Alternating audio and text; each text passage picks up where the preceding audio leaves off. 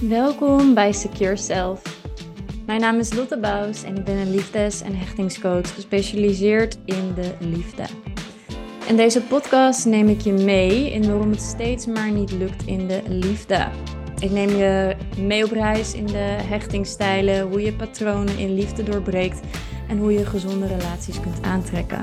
Zodat jij niet meer valt op de onbereikbare man of de man die zich niet kan binden. Ben jij klaar met het aantrekken van ongezonde relaties of relaties die jou niet voeden? In deze podcast ontdek je hoe je dit patroon doorbreekt en hoe je gezonde relaties houdt en aantrekt. Veel luisterplezier.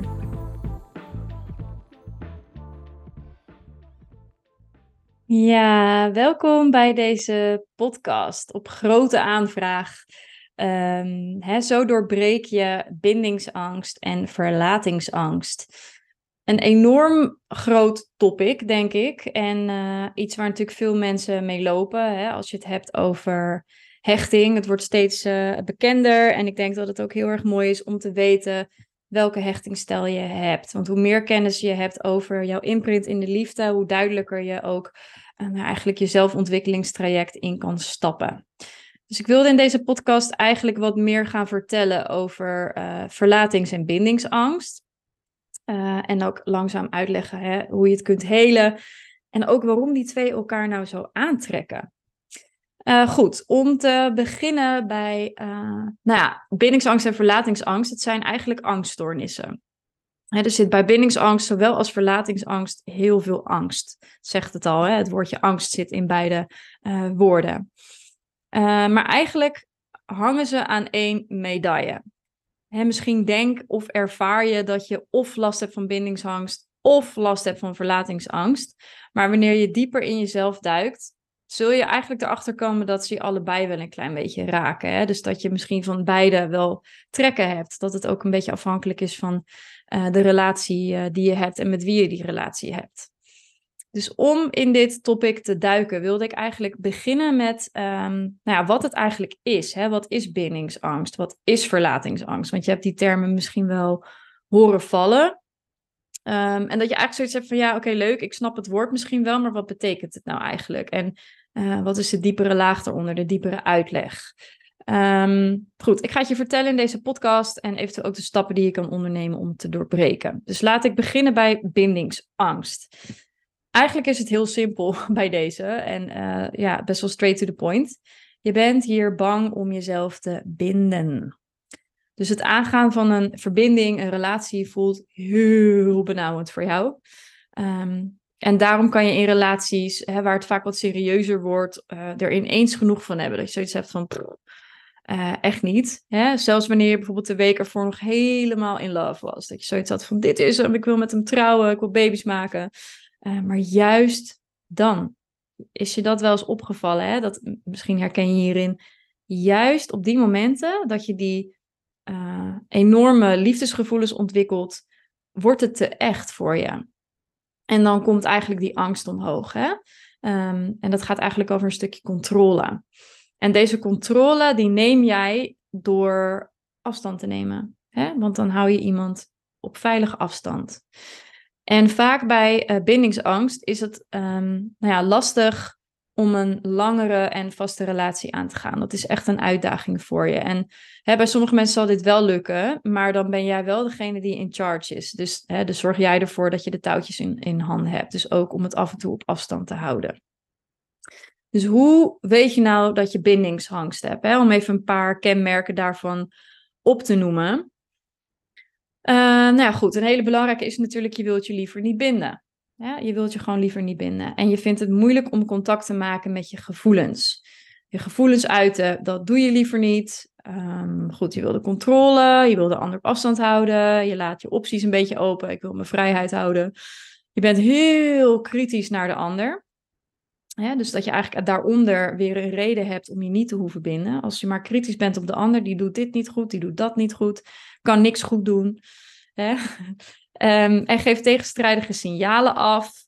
Hè, de ene keer wel, de andere keer niet. Um, grenzen zijn heel intens vaak bij uh, bindingsangst, dus wat aan de overdreven kant. Um, En je hebt veel behoefte aan nieuwe prikkels, nieuwe dingen, weet je, heel, vaak heel actief, van die actieve typetjes. En wat vaak ook voorkomt, wat ook een belangrijk is, is, om te noemen, die ik zelf ook vaak wel heb meegemaakt als ik bijvoorbeeld met iemand uh, aan het daten was die bindingsangst had, dat de ex wordt geïdealiseerd. Of eventuele toekomstige partner. dat is ook weer een reden om niet bij je huidige partner te blijven. Want oh, er is vast wel iemand beters. Ehm, ja, dat. En je vindt jezelf vaak toch wat meer dan de ander. Je hebt de neiging om te flirten of zelfs vreemd te gaan. Zelfs als je je partner wel heel erg leuk vindt. Goed, dat zijn wat kenmerken. Dus mocht je dit nou voelen bij jezelf, uh, ik wil ook alvast eventjes bij je duidelijk maken dat het een angststoornis is. Hè? Het, het, het is iets wat je hebt ontwikkeld omdat iets onveilig voelt voor jou. Hè? Het is een overlevingsmechanisme. En daaruit is dit gedrag ontstaan. Dus wees alsjeblieft zacht voor jezelf als je hierin herkent. Uh, dan hebben we natuurlijk nog de andere kant van de medaille en dat is verlatingsangst. En die herken ik heel erg bij mezelf en vaak ook bij cliënten uh, nou, waar ik mee werk. Die werken gewoon of die hebben vaak last van verlatingsangst. En wat dat inhoudt is dat je bang bent om verlaten te worden. Hè? Je herkent het misschien wel, ik wil zo graag die fijne relatie. En het is gewoon het liefste wat je wilt. Hè, daardoor word je gewoon niet heel selectief. En nou ja, neem je eigenlijk alle partners die jou willen meteen in de armen. dus op de eerste date ben je als het ware al, uh, al en vaak tref je dus hier de foute mannen aan. Hè? Fout, ik vind een beetje een rot woord, maar de, hè, de mannen die voor jou niet goed zijn, laten we het zo zeggen. Of emotioneel onbereikbaar zijn of onbeschikbaar, hè, wat eigenlijk altijd die pijn geeft. Dus ehm, eigenlijk ook jij wil in een relatie graag de controle. Hè? De controle over of de ander je nog wel leuk vindt. En dit kan soms een klein beetje dwangmatige trekken krijgen. Hè? Dus het, het, het vervelende hiervan vaak is, is dat jouw dag of jouw moed helemaal beïnvloedbaar is door de aandacht die je eigenlijk van een ander krijgt. Dus op het moment dat je dat appje niet terugkrijgt of je hoort drie dagen niks van hem, nou dan voel je je helemaal kut. Misschien herken je dat wel omdat je niet krijgt wat je zou willen of het loopt even anders. En dat beïnvloedt dan je, je hele humeur. Goed, ehm, wat zijn nou kenmerken van verlatingsangst? Nou, heel overduidelijk is natuurlijk dat je bang bent om verlaten te worden. Dat je heel, heel, heel veel met de ander bezig bent. Hè? Het kan je hele dag opslokken. En dan vooral wanneer je niets van de ander hoort. Hè? Dus dat je eigenlijk de hele dag met je telefoon in je hand zit om te kijken of die online is. Dat soort dingen. Uh, je hebt bevestiging nodig van de ander heel veel zelfs. En als je het niet krijgt, dan kan dat ook weer je hele dag beïnvloeden en voel jij je de hele dag weer rot. En je merkt het ook vaak aan partners die zich niet willen binden of niet kunnen binden. Dus misschien iemand die al in een relatie zit, dat soort dingen. En daarnaast fantaseer je veel en nou ja, ook heel graag over jullie toekomst. Hè? Hoe jullie leven er samen uit zou kunnen zien. Trouwen, kindjes, huisje, boompje, beestje. Um, en een hele belangrijke ook is dat je vaak in relaties blijft zitten die niet goed voor je zijn omdat je eigenlijk liever in een relatie zit dan dat je helemaal alleen bent.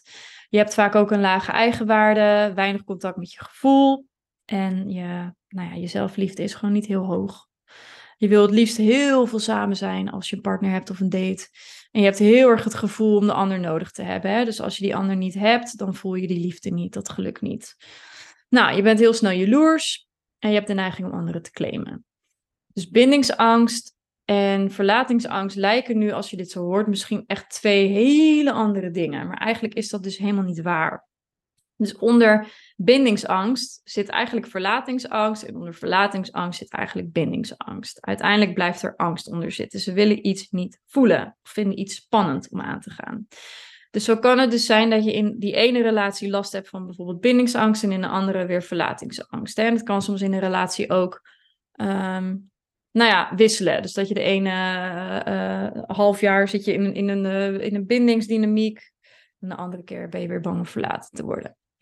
Nou ja, hoe werkt dit precies? Hè? Verlatingsangst is vaak een voorstadium van bindingsangst. Je denkt namelijk hè, dat je die fijne relatie wil, maar je kiest de partner uit waar je dit niet meer realiseert. Dus het gebeurt allemaal onbewust, um, want stiekem is dat heel veilig.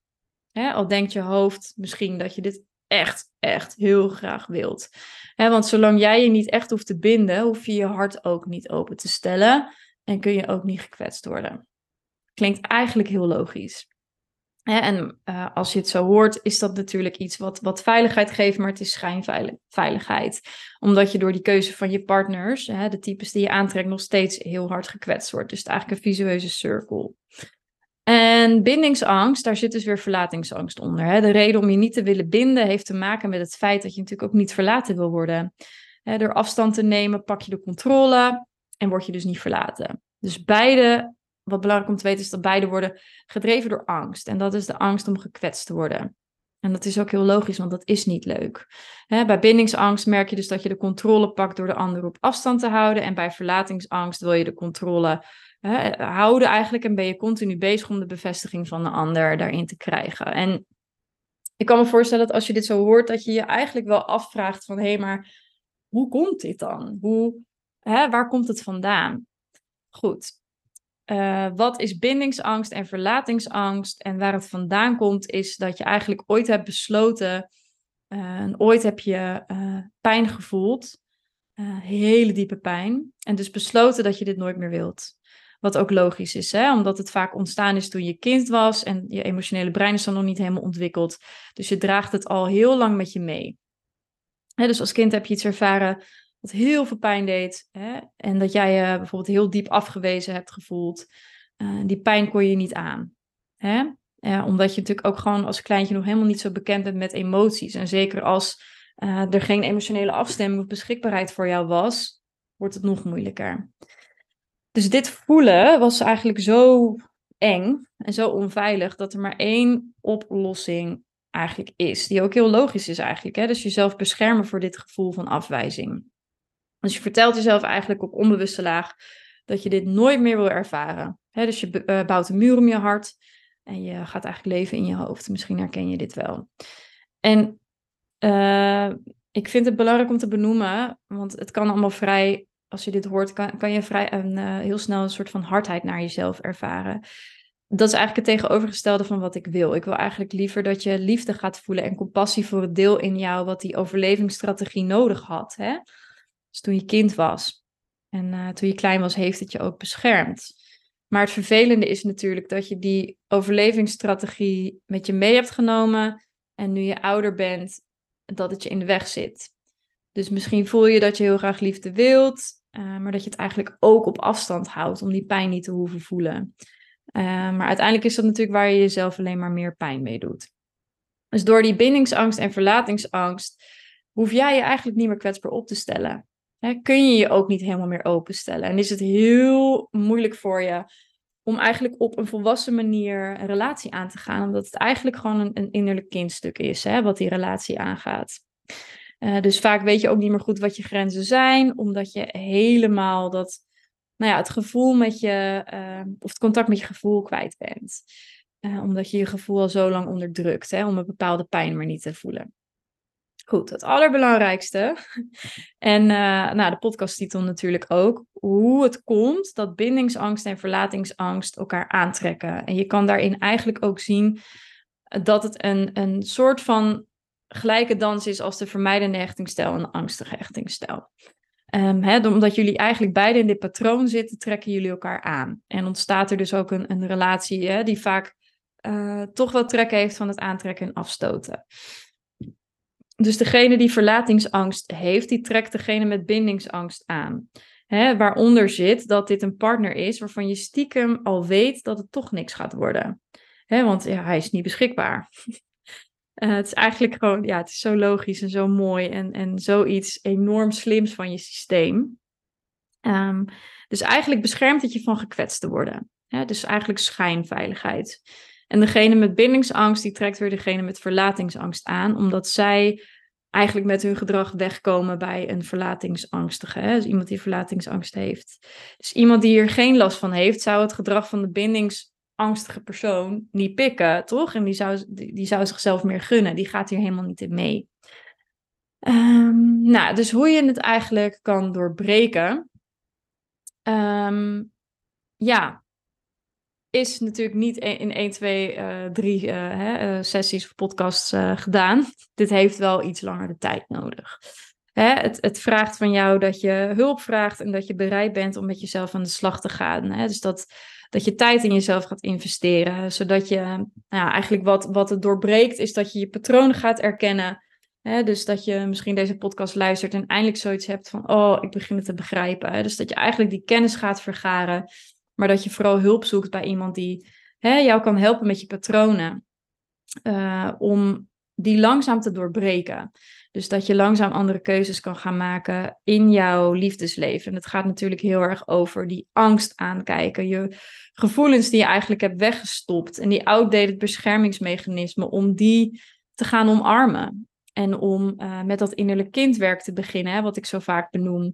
Om uh, het kleine meisje in jou te gaan geven wat ze zo nodig heeft. En eigenlijk, um, nou ja, goed, dat je de relatie met jezelf, die je vroeger gewoon niet goed hebt kunnen opstarten. En omdat je zo hebt geleerd dat liefde onveilig is, dat je weer gaat werken aan het veilig maken van liefde. En dat je een voedende interne relatie met jezelf aangaat. Um, en dus heel veel compassie en liefde hebben voor de delen in jou die dit dus nog als overlevingsstrategie hanteren. Mocht je hiermee aan de slag willen gaan, um, ik werk uh, per vier maanden met zes vrouwen, meer niet. Ik wil goed aandacht hebben voor mijn uh, privécliënten. Uh, nou ja, die eigenlijk met deze problematiek lopen, hè, die eigenlijk verlatingsangst hebben of een onveilige hechtingsstijl of constante verkeerde partners aantrekken of gewoon merken dat ze klaar zijn met ja, de relaties aantrekken waar ze gewoon niet happy in zijn. Dus eigenlijk ongelukkig zijn in, uh, in hun liefdesleven. En die vaak verder alles goed voor elkaar hebben. Um, maar goed, het ene mist nog, die liefde. Dus mocht je interesse hebben om één op één op, uh, met mij te werken, of in groepsverband, of een losse sessie te boeken, kijk dan even in de show notes. Daar kun je alle informatie vinden. Dus dankjewel voor het luisteren en tot